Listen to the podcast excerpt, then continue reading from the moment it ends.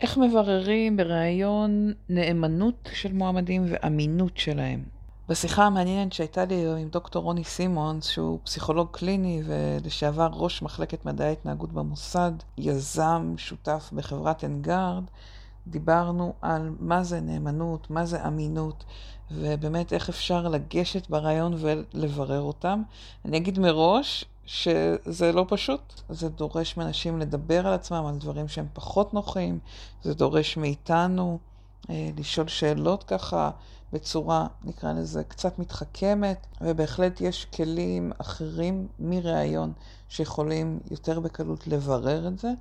אבל כן אה, למדנו בעזרת אה, דוקטור סימונס גם מה ההבדל בין נאמנות ואמינות, וגם איך בכל זאת אפשר לגשת בזהירות קצת יותר לנושא של נאמנות מאשר לנושא של אמינות, אבל גם אה, הסביר באמת לעומק למה שיחה שונה, ככה קצת יותר פסיכולוגית מהרגיל, שעוזרת לנו להבין את הנושא של ההבדלים בין המיון הפסיכולוגי-אישיותי לבין המיון ההתנהגותי. אה, שמחתי גם על הפרגון שלו לכלי ההתנהגותי, ובאמת אה, אה, קיבלנו איזו הסתכלות טיפה שונה מהרגיל על כל תהליך המיון. פרק חדש בפודקאסט גיוס המקצוע, פתיחה ומתחילים.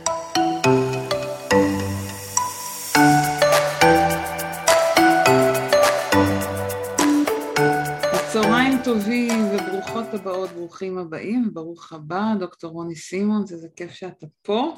תודה, תודה, כיף להיות. אנחנו מדברים על נושא סופר סופר אה, רגיש וחשוב, אה, נושא של איך מבררים נאמנות ואמון ואמינות וכל השורש א' מ' נ' הזה ככה, על כל ההטיות שלו. אה, אבל רגע לפני שנצלול לתוך העולם של הרעיונות והמועמדים, בוא ספר לנו קצת עליך, כתבתי ככה בפרומו, בהזמנה להיום שעברת מסלול מקצועי מאוד אה, מעניין, ספר לנו קצת על, ה, על התהליך שעברת עד שהגעת לאנגארד וככה קצת על אנגארד שנכיר. אה, בסדר, בשמחה. קודם כל אני שמח להיות כאן, זה נושא, הנושא הזה של נאמנות ואמינות, זה נושא שאני עסוק בו כבר לדעתי משהו כמו מעל עשרים ומשהו שנה, והוא ככה חשוב לי ואני שמח שאנשים מתעניינים בו. אמ, אני פסיכולוג קליני, שבעבודה הקלינית שלי אני בעיקר מתרכז בטיפול קצר מועד בחרדה וטראומה. אמ, כשאני אומר טיפול קצר מועד זה בדרך כלל משהו שהמטרה שלי זה להביא לסיום מוצלח של הטיפול אה, בטווח של עד נאמר 10-12 פגישות, אה, משהו כזה. Okay. אוקיי. אה, מהר יחסית. אבל בעצם החיבור שלי לעולם הזה של הנאמנות והאמינות וכו' התחיל ב-1993. אומרים פה שלא שומעים אותך טוב, רוני, אם אתה יכול טיפה להתקרב, אני שומעת מצוין דרך אגב, אז רק אם טיפה תתקרב למיקרופון ו... אה, כן, שומעים יותר טוב? כן. אני יכול גם לשאוג. אמ, אז אני אומר, בעצם זה התחיל אצלי בשנת 1993, שאז אה, בעצם אה, התגייסתי או גויסתי למוסד, אחרי תהליך יחסית ארוך שלא, גם לא הייתי בטוח לאן אני מגיע, לאיזה ארגון, ולבטח לא ידעתי לאיזה תפקיד אני מגיע. בסופו של דבר, אחרי שנקלטתי, אה, הסתבר שנקלטתי במטרה לשמש אה, כפסיכולוג של אותה יחידה במוסד שמגייסת ומפעילה סוכנים, זאת אומרת את המרגלים, האנשים שאנחנו מגייסים שייתנו מודיעין למדינת ישראל. הייתי שם בתפקיד הזה ארבע שנים, עברתי כמעט שנה הכשרה לצורך אה, התפקיד הזה, הייתי בתפקיד הזה ארבע שנים, אה, אחרי זה, כמו שקורה ללא מעט אנשים שככה נוגעים, לא נוגעים באזור המבצעי, אה, חציתי את הקווים והפכתי להיות עובד מבצעי למשך כמה שנים, ואז חזרתי חזרה לעולם הפסיכולוגיה, בפעם הראשונה למיינסטרים של הפסיכולוגיה במשרד, למחלקת מדעי התנהגות. הייתי הפסיכולוג הראשי, הקליני הראשי של המשרד, זאת אומרת אחראי על הטיפולים בעובדים ובבני משפחותיהם. אחרי זה אחראי על תחום המיון במשרד, ואחרי זה הייתי ראש המחלקה, ראש מחלקת מדעי התנהגות, ואז פרשתי, הייתי כמה שנים בקליניקה, היו לי כל מיני עיסוקים נוספים סביב, בעיקר הנושא של רילוקיישן ומעברים של עובדים לחוץ לארץ, כי כמשרד עשיתי, עסקתי בזה הרבה. וכמה שנים אחרי שהתחלתי לעבוד בקליניקה, אז רציתי איזשהו פסק זמן ולקחתי שנת חופש שבמהלכה איכשהו התגלגלתי לרשות להגנה על עדים לתפקיד דומה למה שהיה לי במשרד, זאת אומרת אחראי על תחום מדעי התנהגות ושם פגשתי את קרן שהיא אחת מהחבורה שלנו, דוקטור חסדאי היום, אחת מהחבורה שלנו באנגארד שעשתה עבודת דוקטורט על עדי המדינה, אולי נדבר על זה טיפה יותר מאוחר. ויחד איתה בעצם התחלנו לבדוק את הנושא של נאמנות ואמינות יותר לעומק מבחינה מדעית מה שבסופו של דבר הוביל אותנו לאנגארד שזאת חברה שפיתחה ומפתחת כלים למדידה של נאמנות ואמינות ברמה אישיותית, לא ברמה ההתנהגותית היסטורית. כלומר בעצם היום אתם עובדים מול ארגונים ונותנים להם את השירות של לבדוק עבורם אמינות ונאמנות של מועמדים לעבוד בארגון. נכון, נכון. ודיברנו על זה שיש לכם כלים שהם כלים בתשלום, אבל אנחנו פה היום בשביל לדבר על ה... באמת על איך גם מי שלא עובד עם הכלים שלכם או עם השירותים שלכם יכול להצליח לראיין. ו... אני אסגיר את כל הסודות שלנו כאן. ו... ואני אגיד שעשיתי עבודת הכנה טובה כדי שכמה שיותר, איך אמרת, הסודות אנחנו נצליח ככה ביחד בעזרתך ללמוד. והתחלנו לגעת במילים האלה, נאמנות, אמינות, והן ככה נשמעות דומות, אבל אמרנו כל אחת מהן יש לה משמעות אחרת, וגם אמון נכנס ככה פנימה, ומהימנות או ככה. אז אתה יכול לעזור לנו לעשות סדר במשמעות של כל, ה, של כל אחת מהמילים האלה, מה, מה זה בודק באמת? כן, אז אני מניח שיש המון הגדרות לנושא, לכל הדברים האלו, אבל אני אנסה להגדיר את זה כמו שאני מכיר את זה, כמו שאני מאמין שזאת ההגדרה הנכונה. אוקיי. Okay. נאמנות זה בעצם איזשהו ערך או, או צו מוסרי שהוא נגזרת של הצורך בסדר חברתי. צריך לזכור שבסופו של דבר אנחנו בני אדם, אנחנו יצור או חיה שבטית, קבוצתית, עדרית, ובעצם במשך דורות על דורות השייכות לקבוצה והנאמנות אליה היו מה שהגדירו אותנו ומה שעזרו לנו להתקיים. זאת אומרת, אדם שהיה מנותק מהקבוצה שלו, שהיה מוחרם על ידי הקבוצה שלו, היכולת שלו להתקיים ולחיות בצורה טובה הייתה, הייתה מומכת ובעצם פיתחנו איזה שהם כלים ונורמות ושיטות חשיבה והתנהגות שמדברות על ערבות הדדית, על להגן על הפרטים בקבוצה, להגן על הקבוצה, להגן על האינטרסים של הקבוצה, ליצור קבוצת חוץ וקבוצת פנים. וכל הדברים האלה לאורך השנים נעשו כל מיני דברים לחזק את זה. לבוש שונה, שונה, מוזיקה שונה, מנהגים שונים, מסורות, כל מיני דברים שכאלו שהמטרה בעצם הייתה להגיד לבן אדם אתה שייך לקבוצה הזאת ואתה חייב להיות נאמן לה. אז אתה אומר המונח, רק סליחה שאני קוטעת, אתה אומר המונח נאמנות יש לו חיבור מאוד חזק לקבוצה שאנחנו נאמנים לה, נכון. לאיזושהי קבוצת שייכות שאנחנו שייכים לה, בין אם זה נגיד כיסוי ראש לחיבור דתי, או בין אם זה חולצה עם הלוגו של הארגון לשייכות שלי לארגון והתפיסה שלי כחלק מקבוצה. נכון, okay, נכון. מעולה. זאת אומרת, אנחנו, כל מיני דברים כאלו, דגל זה למשל סמל של קבוצה.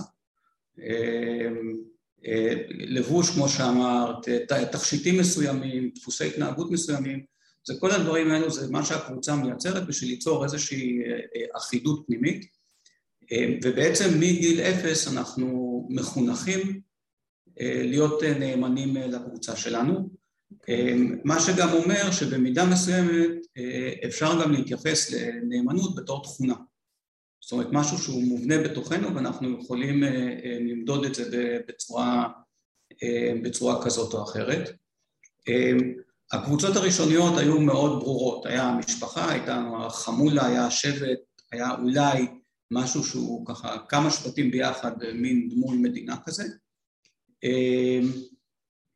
אבל בעצם ככל שנקפו השנים, ובעיקר מאז המהפכה התעשייתית, אז הקבוצות הבסיסיות האלה מתמוססות לנו, ובמקומם ניסו להקים קבוצות חלופיות, שזה בעיקר מקומות עבודה, ארגונים, ארגוני ספורט, קבוצות חברתיות, כל מיני דברים שכאלו, וככל שאנחנו מתרחקים מהקבוצה הראשונית, אנחנו מתקשים יותר ליצור את הנאמנות הזאת, ובשנים האחרונות הקושי הזה הולך ומעציב, עקב כל מיני תהליכים שאפשר להיכנס אליהם, בין הקורונה, בין דור ה-Z, בין כל הדברים האלו. ובעצם היום, בעיקר סביב הנושא של גופים, חברות וארגונים, הנאמנות היא חדשה בצורה משמעותית מאשר היא הייתה פעם. כלומר, אתה אומר, זה לא סתם שארגונים מרגישים, שאני שומע, שומעת הרבה ממנהלי משאבי אנוש שאומרים שיש לאט לאט מין היחלשות של הנאמנות, יש הרבה פחות לויאליות, אנשים בקלות קמים ועוזבים, אתה אומר, אנחנו רואים את זה ברמה עולמית גם, קשרת את זה גם לדור, לגיל? כן, אנחנו רואים את זה ברמה עולמית, אנחנו רואים את זה בחוויה הפנימית של העובדים, okay. אוקיי. שהם הם, בוחנים גם את ה... בנאמנות, כאילו יש, לא כאילו, יש איזשהו חוזה של הדדיות, והעובדים בוחנים גם מה החברה נותנת להם. בתור החלק שלהם בתוך חוזה הנאמנות, ואני חושב שהקורונה הייתה נקודת שבר מאוד מאוד גדולה בנושא הזה של החברות הרבה פעמים פיטרו כמות גדולה מאוד של אנשים בשביל לשרוד, אבל מבחינת העובד זה היה שבר בחוזה הנאמנות. ומאז אנחנו לא מצליחים להתאושש מזה בצורה מסודרת, בצורה טובה. אוקיי. Okay. אז להבדיל מנאמנות, מה זה אומר אמינות? אז אמינות זה בעצם עד כמה אתה יכול לסמוך על משהו. זאת אומרת שאתה קונה מדחום, אז אתה רוצה שהוא יהיה אמין במובן שאתה רוצה שכל פעם שיש לך 39.4 הוא יגיד 39.4. כשאת הולכת לקופת חולים לעשות בדיקת דם, אז את רוצה שהמכשיר גם ייתן לך תשובה שהיא ניתנת, ניתן לסמוך עליה. ובעצם האמינות אצל בני אדם זה אותו דבר, זאת אומרת, עד כמה אני יכול לסמוך על בן אדם, עד כמה אני יכול לנבא שההתנהגות שלו תהיה פחות או יותר אותו דבר, מעבר לזמן וסיטואציה.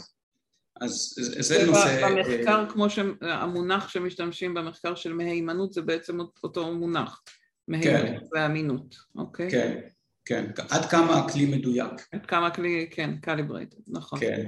בדיוק, עכשיו, ו... וכאילו אמרת קודם את המילה אמן, או השורש א' מ' נ', אז זה באמת שורש מעניין, כי מצד אחד הוא מדבר על, על אמינות, על להיות מאוד מדויק, מצד שני הוא מדבר על אומנות, שזה איזושהי פרשנות סובייקטיבית של, של העולם ושל החוויה, מעניין. ואיפשהו באמצע יש לנו את המילה אמן, שזה בעצם מה שהקהל אומר בתפילה, שבעצם הוא אומר, כל מה שההוא אמר זה נכון. הכל אמת, מה שנקרא. כן, בדיוק. אמ, אז זה, אמ, אה, זה לגבי זה. עכשיו, הנושא של אה, לבדוק נאמנות ואמינות הוא דבר שבעצם לא היה. בכלל, כל הנושא הזה של מיון הוא, הוא דבר חדש יחסית. התחיל במלחמת העולם הראשונה, אה, התעצם מאוד במלחמת העולם השנייה, ובעצם הטקסט הראשון שיצא על הנושא הזה של, של אמינות, שאני מכיר אותו, ושל נאמנות, נכתב במלחמת העולם השנייה, זה טקסט שכתבו קבוצה של פסיכולוגים ופסיכיאטרים, שהמטרה שלו הייתה לבדוק או למיין אנשים לתפקידים בפעולות חשאיות. הם די מהר זנחו את הנושא של נאמנות והתמקדו באמינות, והם המציאו שם כל מיני כלים. אני יכול רגע, אני לא יודע, אני לא טוב בזה. רואים את הדבר הזה? קשה לראות. רואים, כן, לא? כן? עיגול עם נקודות עליו ויש... עיגול עם, עיגול עם נקודות או עיגולים עליו, זה בעצם אחד הכלים שהם פיתחו שמה, שבעצם מה שהם ביקשו מהבן אדם זה לשים את העיפרון פה על ה-X הזה באמצע, ובעיניים עצומות לקלוע לתוך העיגולים האלה, אוקיי? עכשיו זאת משימה שאי אפשר לעשות אותה. אמ, ואז מה שהפטנט היה, אה, אחרי שנותנים את ההנחיות לבן אדם, כאילו לעזוב את החדר, להגיד אני הולך לשירותים או משהו כזה, ולראות אם הוא יפתח עיניים כי הוא רוצה אה, כאילו להרשים אותנו, ואז הוא כאילו יעשה את האיקסים בתוך הדבר הזה. זאת אומרת, זו משימה שהיא בלתי אפשרית, אבל אם הוא ירמה הוא יכול לעמוד במשימה. ואז אתה חוזר חזרה לתוך החדר, ואתה רואה שהבן אדם עשה איקסים בול בתוך הדברים האלה, אתה, אתה יודע שהוא רימה אותך. אה, זאת אומרת, אז זה מעלה סוגיה... אבל אני, אני רגע רוצה להבין, כי אתה דיברת קודם על אמינות, ועד כמה אתה יכול לסמוך על משהו, לסמוך נכון. ש, שמה שהוא אומר הוא עושה, זה בעצם, אתה מדבר על, אה, על, על שקר, כלומר עד כמה משהו אומר, נגיד, אמרת, אמרת שהוא עשה את זה בעיניים עצומות, האם, זה נכון? האם הוא גילה לי שהוא רימה, או שהוא עיגל פינות, או שהוא, מה שהוא אמר זה מה שהוא עשה? זה, זה האמינות? לא, אז במקרה הזה האמינות זה בעצם כי הציפייה ברעיון עבודה, לצורך הנושא, או בתהליך המיון, זה שהבן אדם אה, יהיה ישר. אני אשאל שאלה והוא יענה. אוקיי? פה אני יוצר מצב שבעצם אני נותן לו את האופציה לרמות אותי, אה, וחלק מהאנשים, לא כולם... אבל זה גם לא רעיון, זה סוג של סימולציה, זה התנסות. זה, זה תוך כדי הרעיון, אתה כאילו, אתה אומר לו, הנה, עכשיו קח את הדבר הזה, תעשה את זה, אני רגע הולך לשירותים, אה, והוא עושה את זה. עכשיו, בחזרה, שאת רואה שהוא, כאילו, רוב האנשים לא ירמו. כאילו, האיקסים שלהם יהיו מפוזרים על כל הנייר, מיעוט ירמו. אז הם כבר מעניינים אותנו יותר, אם אנחנו מחפשים אה, אמינות. אמ, ואז אתה יכול או להגיד בסדר, ראיתי שהוא שקרן, אני לא אקבל אותו, או ללכת עם זה צעד אחד קדימה ולהגיד למשל, אה, וואלה, כל הכבוד, איזה יופי עשית את הדבר הזה, זה באמת אה, תוצאה יוצאת דופן, בוא תעשה את זה עוד פעם שאני פה. אמ, ואז כמובן הוא לא יכול לעשות את זה, אמ, ואז אתה מפתח איתו שיחה. ואז בעצם יצרת איזושהי סיטואציה בתוך החדר שאתה דוגם אמינות ואתה הרבה פעמים, ואתה רוצה לראות איך הוא יוצא מהסיטואציה. אז, אז, אז אני רוצה רגע לעשות את ההפרדה, ודיברנו על זה שהרבה מהאנשים שפה על הקו למדו איתי רעיון התנהגותי, אז אני כן רוצה לעשות את ההפרדה בין מה שאתה מתאר, שזה סוג של ראיון שמשולב באיזושהי התנסות או סימולציה, נכון. או תרגיל כזה, שאתה גם רוצה לראות איך הבן אדם מנתח את ההתנהגות של עצמו, לבין ראיון התנהגותי שבודק התנהגות בעבר, שאני שואלת האם בעבר עשית א', ב', ג', והבן אדם נכון. מדווח על מה הוא עשה. זה שני כלים נפרדים. לחלוטין. שני... ומה, ומה היתרון או הערך של לתת לבן אדם איזושהי התנסות live אה, נקרא לזה? מה הכוח של זה? אה, בשביל לבדוק את האמינות? למה דווקא זה כיוון כזה שאנחנו נוגעים בו? אמ, טוב, כי, כי, כי תראי, בגדול אמ, נדבר שנייה על הנושא הזה של אה, אה, ראיון וראיון התנהגותי. אוקיי. אם זה בסדר מבחינתך. כן, כן, בסדר גמור. אמ, אנחנו יודעים שראיון ככלי אה, מיוני הוא כלי לא טוב. הוא אפילו כלי רע. זאת אומרת, היכולת ניבוי של ראיון היא נמוכה מאוד ברוב המקרים, היא איפשהו קצת יותר טובה מנאמר קורות חיים ומכתבי המלצה. אם עובדים בצורה לא מובנית, לא שיטתית. מה לא... זה? אם בודקים בראיון לא התנהגותי, אם עושים... לא, לא, אני מדבר על ראיון קלאסי. קלאסי. אתה בא ואתה אומר... פתוח, שיחה פתוחה, לא... תספר לי קצת על עצמך, ואם היית חיה, נכון. איזה חיה היית, והדברים האלו. אמ, ושתי תכונות שאתה לא טוב בהן, כאילו כל הדברים האלו, הרעיון הוא כלי שלא שווה כלום, או שווה מעט. מצד שני, הכלי שנחשב הממיין הכי טוב זה המרכז הערכה. כי שם יש לנו דגימות התנהגות לנגד עינינו. הרעיון ההתנהגותי לטעמי הוא הגשר בין שני הדברים האלה. זאת אומרת, הוא מנסה ליצור מצב של מרכז הערכה על ידי ההיסטוריה של הבן אדם, והוא שואל כל מיני שאלות, ואם הרעיון ההתנהגותי נעשה נכון ומקיף וטוב, אז אתה יכול ללמוד ים של דברים על הבן אדם. זאת אומרת, אם אתה אומר לבן אדם, בוא תספר לי על קונפליקט שהיה לך בעבודה עם מנהל או עם עמית או עם עובד, לא משנה מה, והוא מספר איזשהו סיפור, זה בעצם עכשיו רק הפתח לעוד עשרים שאלות הבאות. נכון. זאת אומרת, איך זה התפתח, האם היית יכול לעצור את זה שזה היה מוקדם יותר, בדיעבד, האם היית פועל באותה צורה, האם היית פועל בצורה יותר אגרסיבית, כמה אתה היית אחראי לדבר הזה שהתפתח, כמה הבן אדם שמולך, וכו' וכו' וכו'. יש המון המון שאלות שאתה יכול לשאול רק מעצם הזה שאתה מדבר איתו על איזושהי דגימת התנהגות אחת. אז, מה, אז בוא ננסה להבדיל מה הכוח של לתת להם לעשות משימה, ונוגה כותבת ש... זה מרגיש לה שהמשימה הזאת היא מאוד שקופה, כמו שהרבה מועמדים, כמו שאמרת, יבינו שמצפים מהם, אה, שבודקים אם הם משקרים או לא משקרים, או... אמ, אז א', מה, מהניסיון שלי, אמ, אה, הרבה מהנבדקים לא מודעים לזה שזה מבחן אמינות. אוקיי. Okay. ולא מבינים. אני עשיתי את המבחן הזה בטח מאות פעמים. Mm.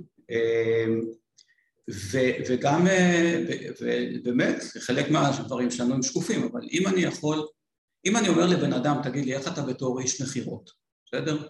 הוא אומר, אני איש מכירות אה, כזה וכזה, ואז אתה אומר, בוא תספר לי על איזושהי התנסות שהיה לך למכור מוצר קשה בטריטוריה לא זה, והוא מספר לי איזשהו סיפור, אמ, ואני שואל אותו, שאלות התנהגותיות ושאלות ערכיות ושאלות קוגניטיביות בתוך הדבר הזה, זה עדיין איזשהו משהו שהוא, אה, אה, שהוא, שהוא סיפור.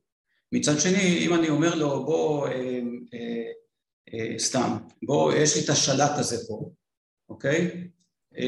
בוא תשכנע אותי להשתמש בשלט הזה ולא בשלט אחר.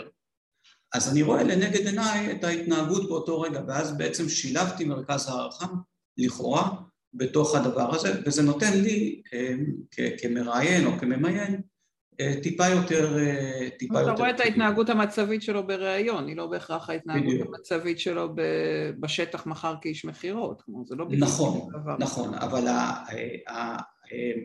ההשערה היא שאם אתה יודע אה, גם לקבל את התיאורים שלו על ההתנהגות שלו וההיסטוריה שלו והדרך שהוא חושב, וגם אתה יכול לראות את זה מתרחש בפועל לנגד עיניך, אתה יכול לראות האם יש הלימה בין הדברים. אז בוא נדבר על איזה שאלות, והתחלת מלהדגים את הציור הזה, אבל איזה שאלות יכולות לעזור לנו באמת לקבל את ה... לפתוח את הדלת לעולם הזה של, של אמינות, של, של השקרים, של לברר האם האנשים שמולי באמת אומרים את האמת, באמת עושים את מה ש... יעשו את מה שהם אומרים שהם יעשו, או שהם מספרים לי איזשהו סיפור על העבר, איך אני יכולה לדעת שהם באמת עשו את זה? אוקיי. Okay. אמ, אז א', זה מאוד מאוד קשה. Mm-hmm. Um, הרבה פעמים אנחנו הולכים למקום הזה של שפת גוף והדברים האלו, שהם בדרך כלל לא ממש uh, uh, עוזרים לנו, uh, כי מעט האנשים שכשהם משקרים uh, יעשו ככה. Mm-hmm. למרות שבסדנאות של שפת גוף לפעמים מדברים על הדברים מה, מהסוג הזה. אני חושב שהקושי באבחון אה, של אמינות, או בלדבר על אמינות ברעיון, הוא בעצם נובע משלושה דברים. אחד, קודם כל, זה מה הלגיטימיות שלנו כמראיין בכלל לשאול את השאלות האלה. זאת אומרת, ברור לי שכמקום עבודה יש לי אינטרס אה, חזק ומובהק אה, לקבל כמה שיותר מידע על הבן אדם, וכמה שהוא אמין, וכמה שהוא נאמן, וכמה שהוא אחראי, וכל, ה, וכל הדברים האלו. אבל השאלה אם, קודם כל אם מותר לי לשאול את השאלות האלו, אמ, ואחרי זה האם זה לגיטימי לשאול את השאלות האלה. ככל שהשנים אה, מתקדמות וכל הנושא של אה, אמ, כבוד האדם וזכויות הפרט אה, עולים למקום יותר גבוה ולחלוטין בצדק מבחינתי, mm-hmm. אנחנו יותר ויותר מוגבלים במה מותר לנו לשאול. כן. אז, אז קודם כל, הרבה פעמים אנחנו פשוט לא יכולים לשאול את השאלות כי אנחנו לא יכולים לשאול את השאלות. הדבר השני שקשור לזה זה התחושות שלנו כמראיינים. זאת אומרת, כי גם אנחנו, אין לנו אמ, אינטרס להביך את הבן אדם שמולנו. זאת אומרת, אנחנו רוצים שהרעיון יהיה בסך הכל חוויה טובה מבחינת הבן אדם, ולכן הרבה פעמים לנו כמראיינים, גם אם מותר לנו לשאול שאלות שהן שאלות קשות, אז זה מתבקש בתוך השיח, אנחנו לא בהכרח נסכים לעשות את זה, אני יכול להגיד... למה אתה מתכוון? תן לנו דוגמה לשאלות. אני, אני אתן דוגמה מעולם אחר, בסדר? הרבה מאוד אנשים שעוסקים בטיפול, פסיכולוגים, עובדים סוציאליים, פסיכותרפיסטים, כל מיני אנשים מהעולם הזה, הם מאוד מאוד מהססים אה, לשאול לגבי אובדנות. אה, זאת אומרת, למרות שהכתובת היא על הקיר שם, זאת אומרת, אתה רואה את הבן אדם, אתה רואה שהוא בדיכאון, אתה רואה שהוא אומר אין לי חיים, אין לי תקווה, אין לי שום דבר, ואתה לא תשאל אותו את השאלה הזאת, כי זה כאילו נתפס כשאלה שהיא חודרנית מדי או לא לגיטימית או משהו כזה. ברעיון עבודה, אה, למשל, אה, יכול להיות מעניין האם לבן אדם יש היסטוריה פסיכיאטרית, אוקיי? זה יכול להיות מעניין. אני עכשיו רוצה בן אדם שיעבוד לי בחדר העסקאות בבנק, אה, או שישמור לי על הכספת בבנק, לא משנה, או ב... יהיה לו סודות גדולים, ואם אני יודע שהוא היה חמש שנים מאושפז על סכיזופרניה, זה... זה, זה לא משהו שישמח אותי בקליטה לעבודה. עכשיו, אסור לי לא לשאול... לא בטוחה אם מותר, זהו, אסור לי... לא, אני אומר, אסור, אסור לשאול על פסיכיאטריה, אסור גם לשאול על פרופיל צבאי היום בישראל. אבל גם אם היה מותר, אמ, זאת שאלה ש, שרוב המראיינים יהססו לשאול, כי מה קורה אם הוא יגיד את התשובה האמיתית? אוקיי, מירית, נאמר את שואלת, מורית, סליחה, את שואלת אותי את השאלה הזאת, האם יש לך היסטוריה פסיכיאטרית או משהו כזה, ואני אומר, ואני כנה, אני אומר לך, תשמעי, כן, לפני עשר שנים תקפו אותי מינית, אה, ומאז יש לי דיכאון ופלשבקים ומחשבות אובדניות, עכשיו מה את עושה עם זה? אז, אז הרבה פעמים את תעדיפי לא לשאול שאלה שאת לא יודעת מה, מה לעשות עם התשובה, וכמובן הצלע השלישית ב, אמ, ב, בקושי הזה זה, זה המועמד, המועמד אין לו אינטרס למסור מידע שהוא שלילי לגביו הרי הוא בא להתראיין למקום עבודה, הוא רוצה להתקבל. אה, ואת שואלת אותו, האם גנבת ממעסיק קודם, אה, אז כאילו, הוא, הוא ברור שהוא יגיד לא. שהוא יגיד שהוא לא יגיד דברים שיפגעו בו. נכון. אז אה, באמת, ואני אוסיף גם את מה שנוגה כתבה פה בפידבק, שגם יכול להיות שיש הבדל בהתנהגות שהיא קשורה למנהל או לארגון, כלומר שתהיה סביבה שהוא יהיה בה אולי פחות אמין, או פחות אה, נאמן, ויהיו סביבות ש, שכן ייצרו יותר נאמנות אה, לקבוצה, לארגון, ו, ולכן, אה, זאת אומרת, עם, עם כל המורכבות הזאת, שלא תמיד אני יכולה לשאול את השאלה, ו, וגם לפעמים אולי, אפילו אם אני יכולה על פי חוק, לא נעים לי, וגם יש לנו שאלה אם המועמדים יענו בכלל תשובה אמיתית, בעצם יש פה משהו שאתה אומר, ואני מבינה אותך נכון, אנחנו צריכים להתחכם כאילו לעשות משהו שהוא יהיה לי מספיק נוח לשאול ולאנשים יהיה מספיק נוח לענות למרות שזה אולי יפליל אותם במרכאות או יפיל אותם נכון, באיזה פעם. נכון. כמו נכון. המשחק הזה עם העיגול וה... והאיקסים. נכון. כלומר אנחנו בעצם מכוונים לא לשאלה של דיווח עצמי אלא לאיזושהי התנהגות live בזמן השיחה, בזמן הראיון, שדרכה אני אוכל להבין את, ה, את הדפוס הזה אצל הבן אדם? אז, אז זאת אפשרות אחת.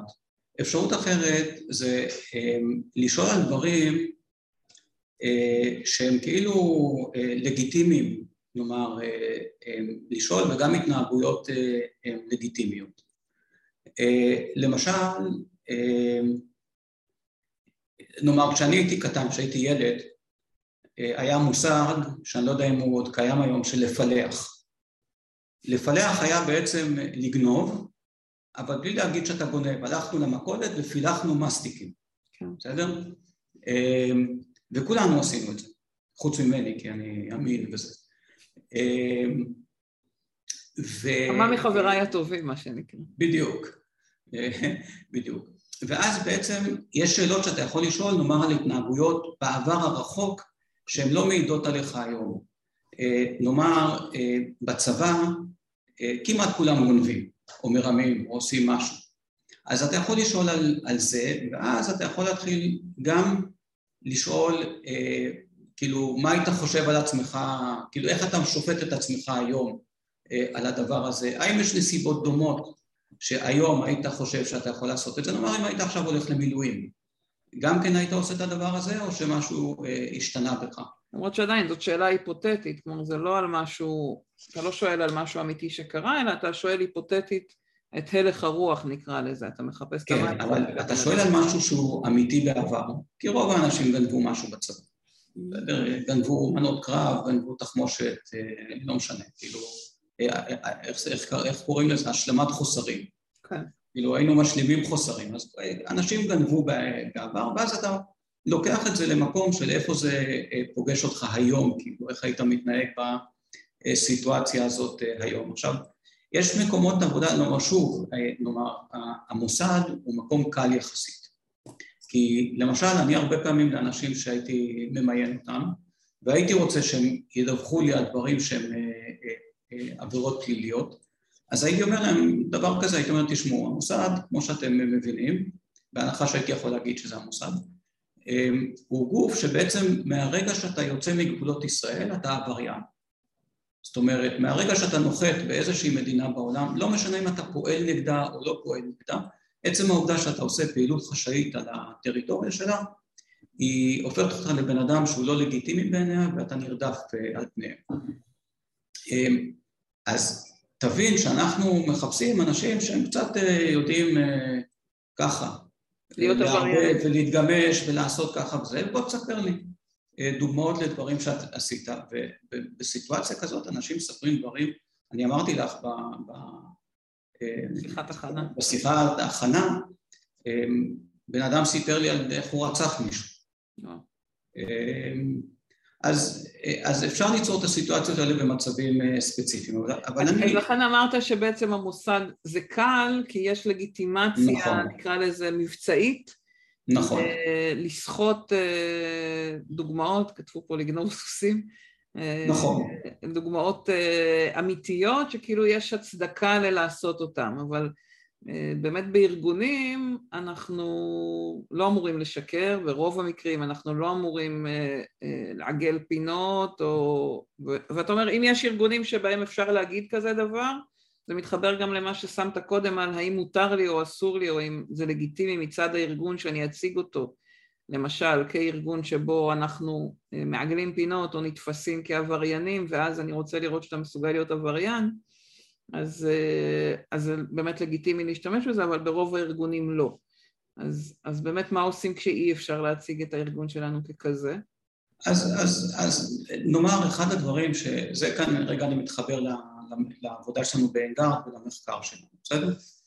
אמ, אנחנו בעצם אה, בתוך המחקר שעשינו על השאלון שלנו גילינו רשימה של כמה אה, שאלות שהן מבחינות בצורה מאוד חדה בין אה, אנשים נאמר שהם בקבוצת סיכון ואנשים שהם לא בקבוצת סיכון מבחינתנו. Okay. אוקיי. עכשיו חלק מהשאלות האלו הן שאלות שהן מאוד לא, לא נעים לשאול אותם, או אמ, למשל, כאילו, האם אתה בן אדם נקמן? Okay, אז הרבה אנשים לא שואלים שאלה כזאת, ובצדק אתה לא שואל את זה בריאיון, זו גם שאלה שהיא לא קשורה לכלום בריאיון עבודה הסטנדרטי. מה גיליתם על השאלה אם אתה נקמן? אז אה, זאת, זאת שאלה מעניינת, כי בעצם אתה אומר, אדם הגיוני בחיים לא יגיד שהוא נקמן. Mm-hmm. או שהוא יגיד, אני נקמן קצת. אבל מה שגילינו זה שאנשים שהם ב state of mind הזה, הם חושבים שזה נורמלי. זאת אומרת, ו- ולכן הם עונים, טראח, אני נקמן, אני מסכים מאוד שאני נקמן. או אם אני אנקום במישהו, עד יומו האחרון הוא אה, לא ישכח את הדבר הזה. אני הייתי שמונה פעמים אה, מהסס אה, לענות כזה דבר, גם אם אני טיפוס נקמן. אה, אבל אנשים כאלה חושבים שזה לגיטימי. עכשיו, אני אומר, אלה שאלות שהן קשות. אבל למשל שאלה, ש... וזה מה שאמרתי שאני נותן לכם סודות שלנו, אז שאלה שהיא הרבה יותר קלה אה, לשאול אותה בריאיון, אה, זה בא סביב הביטוי אדם לאדם זאב. עד כמה בן אדם מסכים עם הדבר הזה? זאת אומרת, האם אתה חושב שזה נכון או לא נכון? עכשיו, כאן אנחנו רואים שהשאלה הספציפית הזאת היא נופלת בתוך אותם אה, מעט שאלות שמבחינות לנו בין הקבוצות. בין הקבוצה... שהקבוצות זה מה? זה, זה אנשים שהם אמינים ללא אמינים? כאילו אנחנו עכשיו על המילה, על המונח אמינות והיכולת של בן אדם אה, באמת שלי לסמוך על הדברים שלו כדברי אמת? לזה אתה מתכוון? כן, בעצם אנחנו בודקים, הדבר המרכזי שאנחנו בודקים זה נאמנות. זאת אומרת, אני אומר רגע, נאמנות, נאמנות כן. ולא אמינות. כן, אנחנו, אנחנו בעצם אה, מנסים לנבא מי הבן אדם שיגרום נזק מכוון לארגון שקולט אותו. אוקיי. אוקיי, עכשיו... אתה אומר, אנחנו לא מדברים על שקר לא שקר, אלא על כמה הבן אדם יהיה לויאלי לארגון, יהיה, נכון. יעמוד מאחורי ה... אה, או ידאג לאינטרסים של הארגון כשהוא הולך ועובד מול לקוחות, או כשצריך לקבל החלטות, אז, אז קודם כל טוב שדייקת את זה, אנחנו על המילה נאמנות ולא על אמינות. נכון. אתה אומר, על המילה נאמנות אנחנו יכולים לבדוק אותה דרך אדם לאדם זאב, או האם אתה נקמן, או דברים שקשורים לתפיסה של בן אדם אה, אנשים אחרים, ככה ל... נכון. להתחבר באמת לקבוצתיות הזאת שדיברת עליה קודם. נכון, כי, כי בעצם ניקח רגע את האדם לאדם זאב. בסדר? אדם לאדם זאב זה, זה, זה בעצם ביטוי, זה פתגם, אני יודע, זה אה, תפיסת אה, עולם פילוסופית. Mm-hmm. רוב האנשים רואים את האנשים האחרים כאנשים בסדר, בגדול. בן אדם שאומר אדם לאדם זאב, מה בעצם הוא אומר לנו? הוא אומר לנו, העולם הוא מקום בעייתי, העולם הוא מקום מסוכן, אי אפשר לסמוך על אנשים האחרים, בהזדמנות הראשונה הם, הם יטרפו אותך, אגב זאב הוא חיה גם כן קבוצתית, mm-hmm. רק לצורך הנושא הזה, יש כאן איזשהו אה, אה, סטיגמה שלילית ש, שנוצרה בדבר הזה, אבל אבל בהבנה שלנו, כאילו אנחנו מדברים על הזאב הבודד, שהוא חווה את העולם בצורה עוינת ומסוכנת. Okay. אוקיי. ואז ממילא, אם אתה חושב שהעולם נגדך, זה עמדה לגיטימית להיות נגד העולם. כי אתה בא להגן על עצמך, כי כולם רוצים לעשות לך אי צדק, נאמר, או עוול, ואתה בעצם בא להגן על עצמך, ואז העמדה הבסיסית שלך היא, היא עמדה הם, אה, אנטי כזאת. ו, ואז ולכן... יש יותר סיכוי שתהיה בעיה בנאמנות לקבוצה, נכון. אם אתה מאוד עסוק בלראות מי פגע בך, מי... נכון. עכשיו, ברגע שהבן אדם, רוב האנשים, אני אומר, 90 ומשהו אחוז, הם לא יסכימו לדבר הזה. זאת אומרת, יגידו, הבן אדם הוא בסדר. אדם לאדם זה לא, זה לא אמירה כזאת, אה, זה, זה לא נכון. אוקיי. העשרה אחוז או חמישה או חמישה עשר אחוז שיענו על זה, הם כבר אוכלוסיית יעד שאנחנו צריכים אה, אה, לחשוב עליה יותר, ואז אנחנו הולכים לשאול שאלות, אפרופו רעיון התנהגותי. זאת אומרת, מתי נחשפת לכזה דבר? האם קרה שמישהו רימה אותך, הונה אותך, השפיל אותך, התייחס אליך לא יפה במקום העבודה? נשאר במקום העבודה. איך הגבת לדבר הזה? מעולה. כלומר, אתה אומר, הכלי שאני יכולה לאמץ לרעיון הוא פשוט לשאול מה דעתך על המשפט הזה, בסדר? כמו ששמנו קודם את האם אתה נקמן, אדם לאדם הזה, כמשפט לראות מה דעתך עליו, ואם זיהיתי שיש פה פוטנציאל לבעיה, אז אני יכולה להוסיף עוד שאלות שקשורות לבירור על העבר, על מקרים אמיתיים של הנאמנות. נכון, כי בעצם אם ברעיון ההתנהגותי אנחנו מבקשים בהתחלה דגימת התנהגות, ואז סביב זה אנחנו בונים אה, הרחבה והעשרה ורגש ומחשבה וערכים וכל הדברים האלו. פה אנחנו פשוט מתחילים מנקודה אחרת, אנחנו מתחילים מערך או מתפיסת עולם, ומהרגע שיש לנו את התפיסת עולם אנחנו מתחילים לזרום לכל הכיוונים הסטנדרטיים או המקובלים של, של רעיון התנהגותי. אוקיי. Okay. והמשלים של זה בעצם, איזה סוג של שאלות יכולות לעזור לנו לזהות את מי ש... אה, משקר או שיש לו בעיה באמינות? יש לך גם שם איזושהי שאלה שתעזור לי, כי הרי קשה לבן אדם יהיה להגיד על עצמו אני משקר או... נכון, אז, אמ, אז על זה, על האם אתה משקר, אמ, רוב האנשים בצדק יגידו לא. יגידו לא. Mm-hmm. וכאן בעצם בא היתרון של, של כלי שהוא, שהוא מבחן. כי גם אם אני אשאל אותו במבחן האם אתה משקר, אה, אז הוא, הוא יגיד לי מה פתאום, אני לא משקר. אבל כשאנחנו עושים מבחן אנחנו יודעים למדוד עוד כל מיני דברים. אנחנו יודעים למדוד אה, זמן תגובה. אנחנו יודעים למדוד איפה העכבר נח לפני שהוא לחץ עליו. אנחנו יודעים לבדוק האם יש סתירה פנימית בין שאלות, אנחנו יודעים לבדוק האם הוא עונה בקצב מסוים ואז הקצב שלו משתנה, אנחנו יכולים לשבש אותו קצת. בעצם מה שאתה אומר רוני זה שאת נאמנות בגלל שהיא אולי אפילו פחות מודעת או היא פחות ברורה ב"יש לי בעיית נאמנות, לויאליות לארגון" יהיה לי יותר קל לקבל רמזים ולברר עוד במקרים מהעבר, בדוגמאות אמיתיות שהבן אדם אפילו לא מודע לזה שיש לו נקרא לזה בעיית נאמנות ולויאליות לארגון. מהצד השני על אמינות ועל התנהגות של אמת שקר, כמו משהו שהוא יותר שקוף, שיותר קשה לשאול, זה, אתה אומר, באמת קשה לבדוק בעזרת כלי של שיחה, אפילו לא בעזרת תרגיל, כי צריך מדדים שהבן אדם לא מסוגל לשלוט עליהם, אלא משהו שהוא לא מודע, כמו במבחן מבחן ממוחשב או מבחן שאתה בודק אותו בלי שהבן אדם יכול לשלוט באמת על כל הדברים הללו. נכון, למשל, אני אומר, זמן תגובה זה אחד הדברים החזקים שיש. או יש עניין של נאמר תנועות עיניים, שזה דבר שעכשיו נכנס לכל מיני מקומות, כן. זו שאלה כמה זה אתי להשתמש בזה במיון למקום עבודה. אבל, אבל נאמר בתנועות עיניים אנחנו יודעים שכשאתה מציג למישהו שאלה עם כמה אפשרויות, העין קודם כל ננעלת על התשובה הנכונה, ואחרי זה הוא בוחר את מה שהוא בוחר.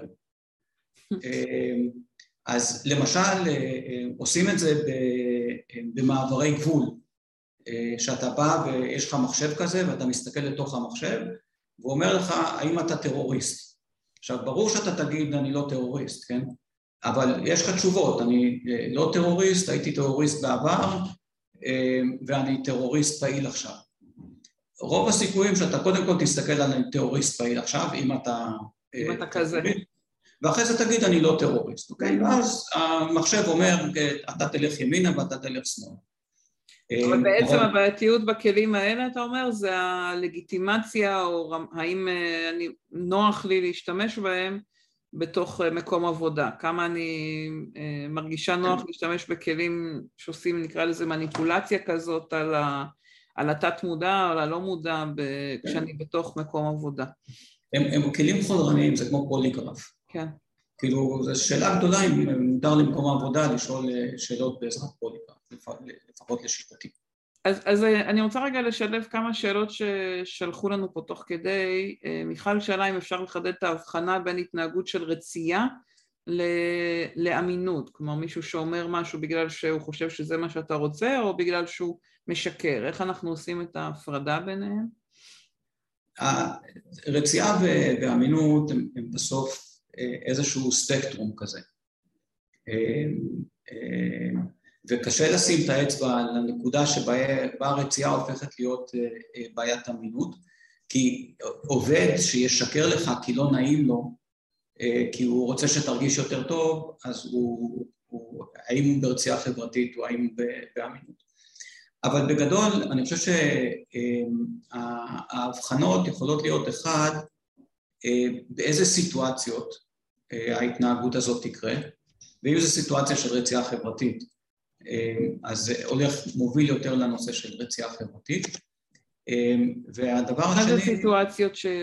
תן לי דוגמה אם אתה יכול, מה זה סיטואציה של רצייה חברתית ש...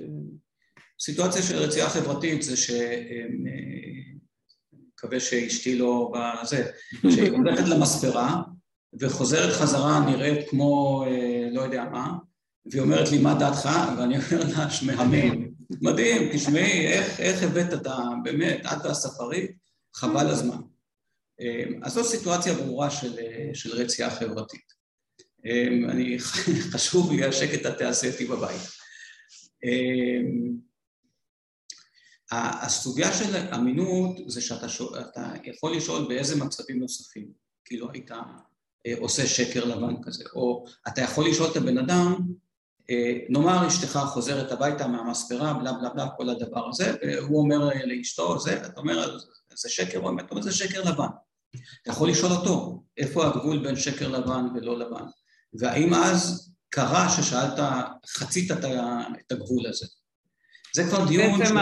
השיח... כמו ששמת קודם את הנקמן, לשאול מה דעתך על שקרים לבנים, כן. ולנהל את השיחה סביב זה, סביב המונח כן. שקרים לבנים, סביב... אה, כן, כי, כי זה, זה כמו שאמרתי קודם, אם אתה שואל משהו על, על עבירות כאילו בצבא, אז אתה כבר אה, שמת על השולחן את העובדה אה, שהבן אדם אה, עובר עבירה. Mm-hmm. שמת את העובדה שהבן אדם אה, משקר. הוא משקר לגיטימי. זה הנחת יסוד כזאת. ש... כן, אבל כבר עברנו, עשינו כאן איזושהי התקדמות בדיאלוג בינינו, כי הוא הסכים להודות על משהו שהוא כאילו לא בסדר. אה, כי אם הוא היה אדם ישר לחלוטין, הוא היה אומר לי, לא, תשמעי, תעשי קרחת ותגמרי עניין, כאילו, זה לא... נתחיל מאפס, נשקם. אה, אבל ברגע שאני מצליח להביא בן אדם להתחיל לדבר איתי על משהו, אה, הרי כש, כששוטר תנועה עוצר אותך, והוא אומר לך, למה נסעת על 90, אוקיי? או על 100? ואתה אומר, לא שמתי לב שנסעתי על 100. מבחינת השוטר זה תהליך שנקרא תחילת הודעה. זה לא מה שאנחנו מחפשים כמובן בהכרח בראיון עבודה, אבל כי ברגע שאתה מתחיל אה, אה, ליישר קו או לדבר על משהו שהוא פחות אה, קל לדבר עליו, יותר קל לך להמשיך את השיחה הזאת. כלומר, אתה אומר ברגע שה... שהוא אמר לא שמתי לב, אז הוא כבר הודה שבאמת זה משהו שהוא עשה, כלומר זה כן. התחילת הודעה. כן, אז תתרגם לי את זה לראיון, כלומר אם אני שואלת, uh, בתפקיד כאיש מכירות בטח היו מקרים שהיית צריך לשקר שקרים לבנים ל, ללקוחות, בוא תספר לי על המקרה, אז אני כבר שמתי הנחת יסוד שהוא היה צריך לשקר ו... ואז... ש, ש, שהיית, אז אני הייתי אומר שהיית צריך לייצג את המוצר אה, בצורה שהייתה נעימה, יותר נעימה לאוזניים של הלקוח. אוקיי? ואז הוא אומר, כן, אני, היה לי ככה, ואמרתי, זה יכול לבוא גם ככה, ויכול לבוא גם ככה. אמ, ואז, ואז כבר הוא בעצם נתן לי דגימת התנהגות. אז, אז בעצם מה שאתה אומר, המקום שכן אפשר לנהל עליו שיחה, זה אם בתפקיד יש, נקרא לזה מקומות אפורים, או מקומות שלגיטימי בהם, נכון. ה... אז ה... לדבר על, נגיד לעגל את הפינות, או לעשות משהו שהוא לא אחד לאחד אמת מאה אחוז אה, אה, כמו שקרים לבנים, או כמו, בסדר? משהו כזה, ואז אם אני מנסחת את זה כחלק מהשאלה, אם אני שמה את זה כהנחת היסוד, אה, בטח בתפקיד הזה היו מקרים כאלה וכאלה, אז אני כבר נותנת לזה לגיטימציה, ו, ומשם יותר קל לי לקבל את הדוגמאות נכון. על העבר של מקרים כאלה. כאילו, נכון. הנחתי שזה קרה. נכון. אוקיי? Okay? אה, uh, הייתה פה uh, גם שאלה uh, אם בתקופה של שינויים חברתיים, כי דיברת קודם על זה שהשוק משתנה היום, האם בעצם איך שבן אדם מתנהג בעבר באמת יכול להעיד על העתיד, אם, אם השוק משתנה ככה ויש באמת שינויים עולמיים כאלה. אז עד כמה העבר יכול להעיד על העתיד? יש לך איזו מחשבה לגבי זה? אני, אני חושב שבגדול, אה, נאמר, הסיסמה שלי כממיין, ואני חושב שזה של אה, הרבה מאיתנו פה בקבוצה הזאת, זה שהמנבא הכי טוב של התנהגות אה, בעתיד זה התנהגות בעבר. Mm-hmm. בגלל זה אנחנו עושים רעיון מצבי התנהגותי. נכון. אני חושב שזה עדיין נכון. זאת אומרת, אה, אני חושב שהחבר'ה נוער שעושים את ההתפטרות, ההתפטרות השקטה, שזה עכשיו איזשהו אה, buzzword כזה שמסתובב לנו בכל מקום, הם חבר'ה בעלי מאפיינים מאוד אה, ספציפיים. עכשיו, תמיד היו את האנשים האלה. נכון. תמיד היו את האנשים שבאו לעבודה וישבו וקראו עיתון, או פתרו תשבצים או, או דברים כאלו. אני עובד מדינה, אמ, אז היה תמיד את הביטוי של מסמר בלי ראש. זאת אומרת, בן אדם שאתה לא יכול להוציא אותו מהעבודה עד גיל 67 בחצות. כאילו, והוא בא ועושה משהו בראש שלו, כי יש לו קביעות. אז תמיד היו את האנשים האלו. ו... עכשיו רק יש להם לגיטימציה ולא לעבוד. כן, עכשיו זה, כן, עכשיו הם באים במסה אחרת ובאמירה אחרת. אבל אני עדיין חושב שאם מישהו עשה התפטרות שקטה, אז הוא גם, הוא בקבוצת סיכון לעשות את זה עוד פעם, כאילו לצורך הנושא. ואם בן אדם עוזב מקום עבודה כל שנה וחצי, אז כנראה שיש סיכוי שגם את המקום העבודה הבא הוא יעזור בטווח שהוא כזה או אחר. זאת אומרת, ההיסטוריה היא באמת מנבא טוב. אוקיי.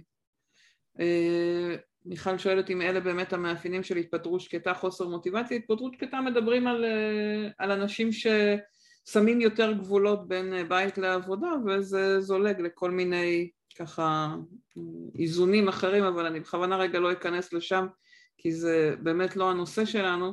ואני כן רוצה לקחת את ה-10-12 דקות האחרונות שלנו ככה עם, כדי לנסות לסכם מה אני לוקחת ממך ותעזור לנו עם, עם טיפים שיש לך ואם יש עוד שאלות אה, על העניין. עשינו את ההפרדה בין נאמנות לאמינות ואמרנו שנאמנות קשורה לחיבור לקבוצה, ללויאליות לארגון, לעומת אמינות שקשורה לזה שבן אדם אומר אמת ושבאמת אה, ככה לא מעגל פינות או מה שהוא אומר זה מה שהוא עושה ובעצם זה שני אה, נושאים שונים מאוד ולכן גם צורת היכולת שלנו לבדוק אותם תהיה שונה לגבי הלויאליות והנאמנות דיברת על טריגרים כאלה כמו השאלה של מה דעתך על אדם לאדם זאב כדי לזהות את האנשים שבאמת תופסים את העולם כמקום שנלחמים אה, בהם ואז מתוך זה באמת לברר דוגמאות על העבר איפה שהם אה, הייתה להם אה, לגיטימציה לעצמם ללהיות אולי פחות נאמנים או פחות לויאליים,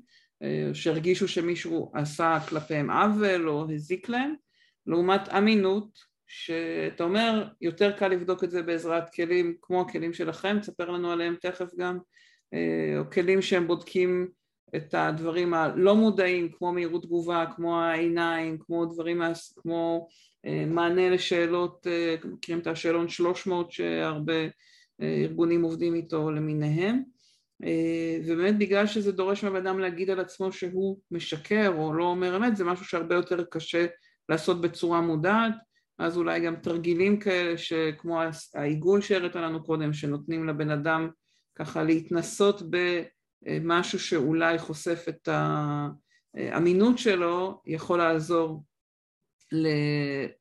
לגשת למקום הזה.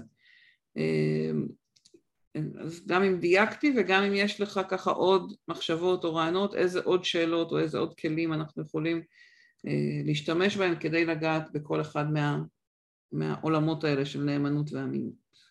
אני חושב שבגדול, כאילו, המטרה שלי הייתה כאן לתת כמה אה, סוגי גישה ל, ל, לתחומים האלו, ואני חושב שבמקום עבודה כל אחד יכול לפתח קצת ככל שניתן את הדגשים האלו למקומות שלו. אמ, אבל אני חושב שצריך לזכור שהרבה יותר קל לנו כמראיינים לבדוק נאמנות מאשר אמינות. כן. אמ, אנחנו הרבה פעמים יכולים לגזור מתוך נאמנות לתוך אמינות גם כן, זאת אומרת אדם שהוא נאמן, אה, אמיתי, אה, סביר להניח שהוא גם יהיה אה, אמין, וגם אנחנו צריכים לזכור שבסופו של דבר רוב האנשים הם בסדר. זאת אומרת, כאילו, אני מכוון עם רדארים כאלו לגלות אנשים שהם לא בסדר, אבל רוב האנשים הם בסדר. שזאת נקודה חשובה, והרבה פעמים שואלים אותי, כלומר יש איזו הנחה של הרבה מראיינים שמועמדים מגיעים לראיון, אה, ובגלל שהם כל כך רוצים להתקבל, אז הם יגידו כל דבר שעולה על דעתם, אתה אומר לא, רוב האנשים כן יגידו אמת בראיון, נכון? נכון. רוב האנשים יגידו אמת בראיון. אני אגיד לכם משהו, אנחנו במחקר שעשינו באנגארד, אה, לקחנו קבוצות של אנשים, וביקשנו מהם למלא את השאלון שלנו פעם אחת על אמת, ופעם אחת כאילו שהם מועמדים למקום עבודה. אה, כדי לראות אם יש פערים בין הדברים האלו, והפערים הם אפסיים. אה, אז יכול להיות שהם חשבו שאנחנו עושים עליהם איזשהו תרגיל, אבל אה, במספרים גדולים, כמו שעשינו, של כמה עשרות, זה אמור להתבטל הדבר הזה. אז רוב האנשים יש להם איזשהו רצון פנימי לומר אמת, לדעתי. זה חלק מהתכנות הנאמנותי החברתי שלנו. Okay. אוקיי. ולכן אני חושב שאנחנו... עכשיו ברור שברעיון עבודה אתה מנסה לייפות דברים, אתה מנסה להציג את הצד הטוב שלך וגם גם, גם המראיין יודע להגיד, אצל רוב האנשים אם הוא אומר על עצמו X, אני צריך להוריד 20% מה, מהדבר הזה ואני אגיע למספר האמיתי. אבל אני חושב, שאלת אותי לגבי טיפים, אז אני חושב שהטיפ הראשון זה צאו מתוך נקודת הנחה שרוב האנשים הם בסדר. יש מיעוט קטן שהם לא בסדר. אני יכול להגיד שבסטטיסטיקות שלנו אנחנו מדברים על איפשהו בין שלושה לחמישה אחוז מהאנשים שהם בעייתיים. יש עוד מעגל טיפה יותר גדול, נאמר עוד חמישה אחוז שהם בעייתיים קצת, וכל השאר סבבה. כאילו... פעם ראיתי, אני, אני מצטטת הרבה את המספר של שני אחוז אה, אה, שקרנים פתולוגיים, אני לא יודעת אם אתה מכיר מספר אחר, אבל אה, אתה אומר בעייתיים, אז זה כאילו נותן לזה קצת יותר נפח, כי זה לא שקרנים פתולוגיים שזה איזה קיצוניות, אלא אנשים שיש להם אולי בעיות של אמינות, או שהם יותר בקלות יעגלו פינות, כאילו, הרחבת את זה קצת. לא, כאילו, אם, אם אני מסתכל נאמר על מה אנחנו יודעים להגיד בתור אנגארד, אז אחד הדברים, הדבר שכאילו ההוא-הא שלנו זה שאנחנו יודעים להגיד מי הבן אדם שיגרום נזק אסטרטגי לארגון. אוקיי. Okay. אוקיי? מי יהיה אתי אלון, מי יהיה ניק לוסן, מי יהיה יהושע בן ציון, מי ש... אנשים שבעצם גורמים לחברה לקרוס, ואנחנו כאילו מכירים את הדוגמאות הגדולות האלו, אבל כשיש לך עובד במסעדה שגונב לך בשר במשך תקופה מאוד ארוכה וחסר לך בתקציב של המסעדה פתאום 350 אלף שקל, המסעדה יכולה להתקפל מהדבר הזה. נכון. וזה אותו בן אדם שגם יגנוב מהבנק מבחינה אישיותית. אז על האנשים האלה אנחנו יודעים לעלות. האנשים האלו בגדול אנחנו מוצאים אותם באחוזים בודדים, זה יכול להיות שני אחוז, זה יכול להיות שלושה אחוז, משהו כזה. הקבוצה השנייה שאנחנו מחפשים אותה בתוך, בתוך המבחן שלנו באנגארד זה אנשים שיגרמו לנזק לעבודה אבל שהוא לא אסטרטגי. הם ייקחו יותר ימי מחלה, הם ייצרו אווירה לא טובה בתוך המקום, הם יעשו רכילויות, הם לא ייתנו שירות כמו שצריך, הם נגיד לבן אדם אתה צריך לעשות שלוש בדיקות איכות, הוא יעשה רק שתיים כאילו דברים, אה, אה, דברים וזה שכן... דברים שאתה חושב שכן אפשר לבדוק אותם מעבר לכלים שלכם בזמן ראיון? שוב, זה, זה, זה דברים שנורא קשה כי אתה צריך, אמ, אם אתה לא עושה משהו אישיותי, אנחנו, אנחנו כלי אישיותי. נכון. אנחנו שואלים שאלות כמו, כשמעבירים עליי ביקורת אני מרגיש בודד. אה, כילד בכיתה המורים נטו להתעלם ממני. אה, אני מסמר הערב, כאילו דברים שכאלה שלכאורה לא עד הסוף קשורים, אבל שהם מתאגדים ביחד, אה, זה, אה, זה, זה הופך להיות איזושהי מסה. אז רעיון כזה, לעשות רעיון אישיותי אפשר, אבל זה כבר לא קשור בכלל לרעיון התנהגותי. נכון. לא קשור למשהו אחר. אתה יכול לעשות את הדבר הזה, זה כלי בזכות עצמו, עם המון המון המון בעיות. אה, כאילו אם הייתי צריך להחליט אם אני צריך לעשות, בתור אחראי מערכת מיון, אם הייתי צריך לעשות רעיון התנהגותי או רעיון אישיותי, הייתי בוחר התנהגותי. אה, אני כפסיכולוג עושה אישיותי. בסדר, בעיקר כי רוב המראיינים הם לא פסיכולוגים. נכון. אה, יש פה שתי שאלות שנשאלו וכן חשוב לי שתגיד עוד מילה ככה על מה השירות שאתם מציעים.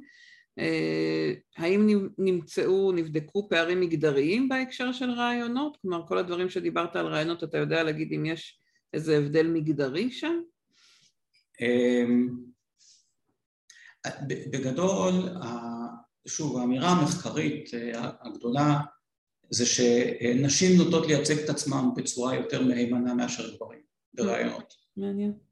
אמ, כן, מעניין ועם היגיון מסוים כנראה. אמ, נאמר, בכלי שלנו אנחנו לא מצאנו הבדלים מגדריים, אמ, אנחנו כן מוצאים אה, דברים אחרים. למשל, אנחנו מוצאים שאוכלוסייה חרדית מתנהגת קצת אחרת מאשר אוכלוסייה מסורתית חילונית, נאמר לצורך הנושא, הם עונים קצת אחרת על השאלות. אז ברגע שאתה יודע שהבן אדם מגיע, כי זאת, נאמר, זאת שאלה שלא שאלנו, כאילו האם אתה חרדי, מסורתי, חילוני או זה, אבל ברגע שאנחנו יודעים להגיד את הדבר הזה, אנחנו יודעים לעשות איזשהו אה, פקטור שמתקן... נרמול אה, תרבותי נקרא לזה. כן, כן, המרכיב התרבותי הוא, הוא נראה בינתיים אצלנו יותר חזק מאשר המגדרי. וחגי שואל אה, על האם, אם אני מבינה נכון, אם אפשר למצוא, לברר על קניית תארים? כלומר, אתם גם נוגעים בהאם התואר שלך, קנית אותו? זה משהו לא. שעולה במחקר? לא. לא. אתה יודע לא. להגיד אם, אם יש איזה מידע, אם אפשר לזהות שמישהו קנה תואר? נגיד אם יש למישהו בעיית אמינות, הייתי בודקת את התואר שלו, אבל אה, מבקש את התעודה. כן, אה, תראי, אה, שוב, יש במשרד החינוך, יש מדור או ענף שלם שמתעסק בדבר הזה של שקלול תארים. כן. עכשיו, אם אתה, אם זה חשוב לך, והבן אדם אומר, אני יש לי, אם הוא אומר יש לי תואר מאוקספורד, בסדר? והוא מביא תעודה מאוקספורד, בהנחה שהוא לא זייף אותה, אז אה, כנראה שהוא עשה את העבודה כמו שצריך.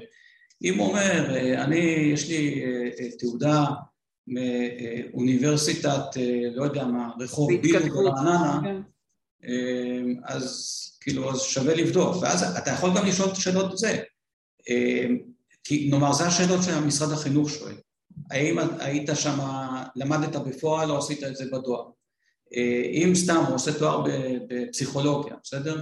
כמה קורסים למדת בפסיכופתולוגיה? אז הוא אומר, לקחתי שלושה קורסים. אז אתה אומר, בוא תספר לי מה ההבדל בין מניה דיפרסיה ודיכאון. אתה אומר, אפשר לעשות איזה מחקר אה, עומק על ה... אם יש... אתה, שואל שאלות. שאלות מקצועיות של ידע. שאלות מקצועיות, בן אדם נופל בזה בקלות. אז, אז בוא ניקח את הדקה האחרונה רק ש...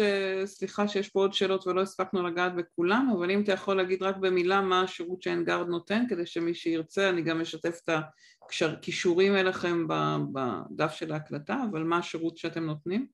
אוקיי, okay, אז, אז אני אומר, אנגרד נותן uh, uh, כלי uh, מיוני uh, אישיותי, uh, שהוא יחסית קצר, לוקח בערך עשרים דקות uh, לעשות אותו, הוא שאלון ממוחשב, זאת אומרת כל אחד עושה את זה בבית שלו, במשרד שלו, הוא שאלון אדפטיבי, זאת אומרת הוא עושה איזשהו סינון ראשוני ומאותו רגע כל מועמד יקבל שאלון שהוא קצת שונה. ובסופו של דבר הוא יודע להגיד לנו, לענות על כמה שאלות. שאלה אחת הוא יודע לתת לנו תמונה אישיותית יחסית רחבה כמו שמקובל בשאלון 300 או MMPI או לא משנה 16PF, כל השאלונים הגדולים האלו. אמ, דבר שני, הוא, וזה כבר מתחיל להיות המיוחד שלנו, הוא יודע להגיד אה, מי האנשים שיגרמו לצרות במקום העבודה, מה שנקרא counter-productive work behavior, והדבר השלישי, שזה לדעתי רק אנחנו יודעים אה, להגיד, הוא מנבא מי האנשים שיכולים לגרום נזק אה, קטסטרופלי לארגון. אמ, אנחנו לוקחים שלל ממדי אה, מהימנות ואמינות בתוך הדברים, את כל הדברים שדיברנו ברקע, זמן תגובה אה, וכו'. וכן, סך הכל אה, בינתיים כלי שמוכיח את עצמו ואנחנו מבסוטים ממנו. מעולה. רוני, תודה רבה. ותודה לכם שהייתם איתנו, ואנחנו כבר, השעה אה, עברה מאוד מהר ואנחנו בזמן.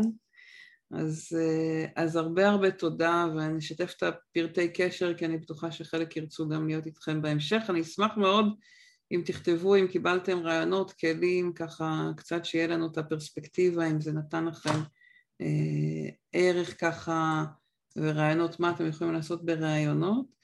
אה, אני מודה שזה משאיר ככה גם עוד, אה, מה שנקרא, טעם לעוד ועוד אה, שאלות של איך עוד אפשר לברר לעומק, אבל לפחות מבחינתי עזרתי לי לעשות את ההפרדה הזאת המאוד חשובה, גם בנאמנות לאמינות וגם ככה להתחיל לחשוב על איזה עוד שאלות אפשר לדייק ועוד לברר, ודווקא על האמינות, ומסקרן אותי מה עוד אפשר לעשות כדי לכל זאת ככה לעורר את המקום הזה של השקרים הלבנים והמקומות שאולי בכל זאת אפשר uh, לדגדג את זה בתוך הראיון. אז... האמת היא שהכי קל זה כאילו אם, אם לוקחים דוגמה של איך מתנהל מראיון, או בן אדם ספציפי שראיינו, ועושים כאילו חשיבה משותפת על הדבר הזה. כמעט תמיד אפשר לחשוב על משהו שייתן לנו עוד טיפה ערך בדברים האלה. חשיבה משותפת, אתה אומר כמראיינים או יחד עם אותו בן אדם? כמראיינים, לא. כמראיינים?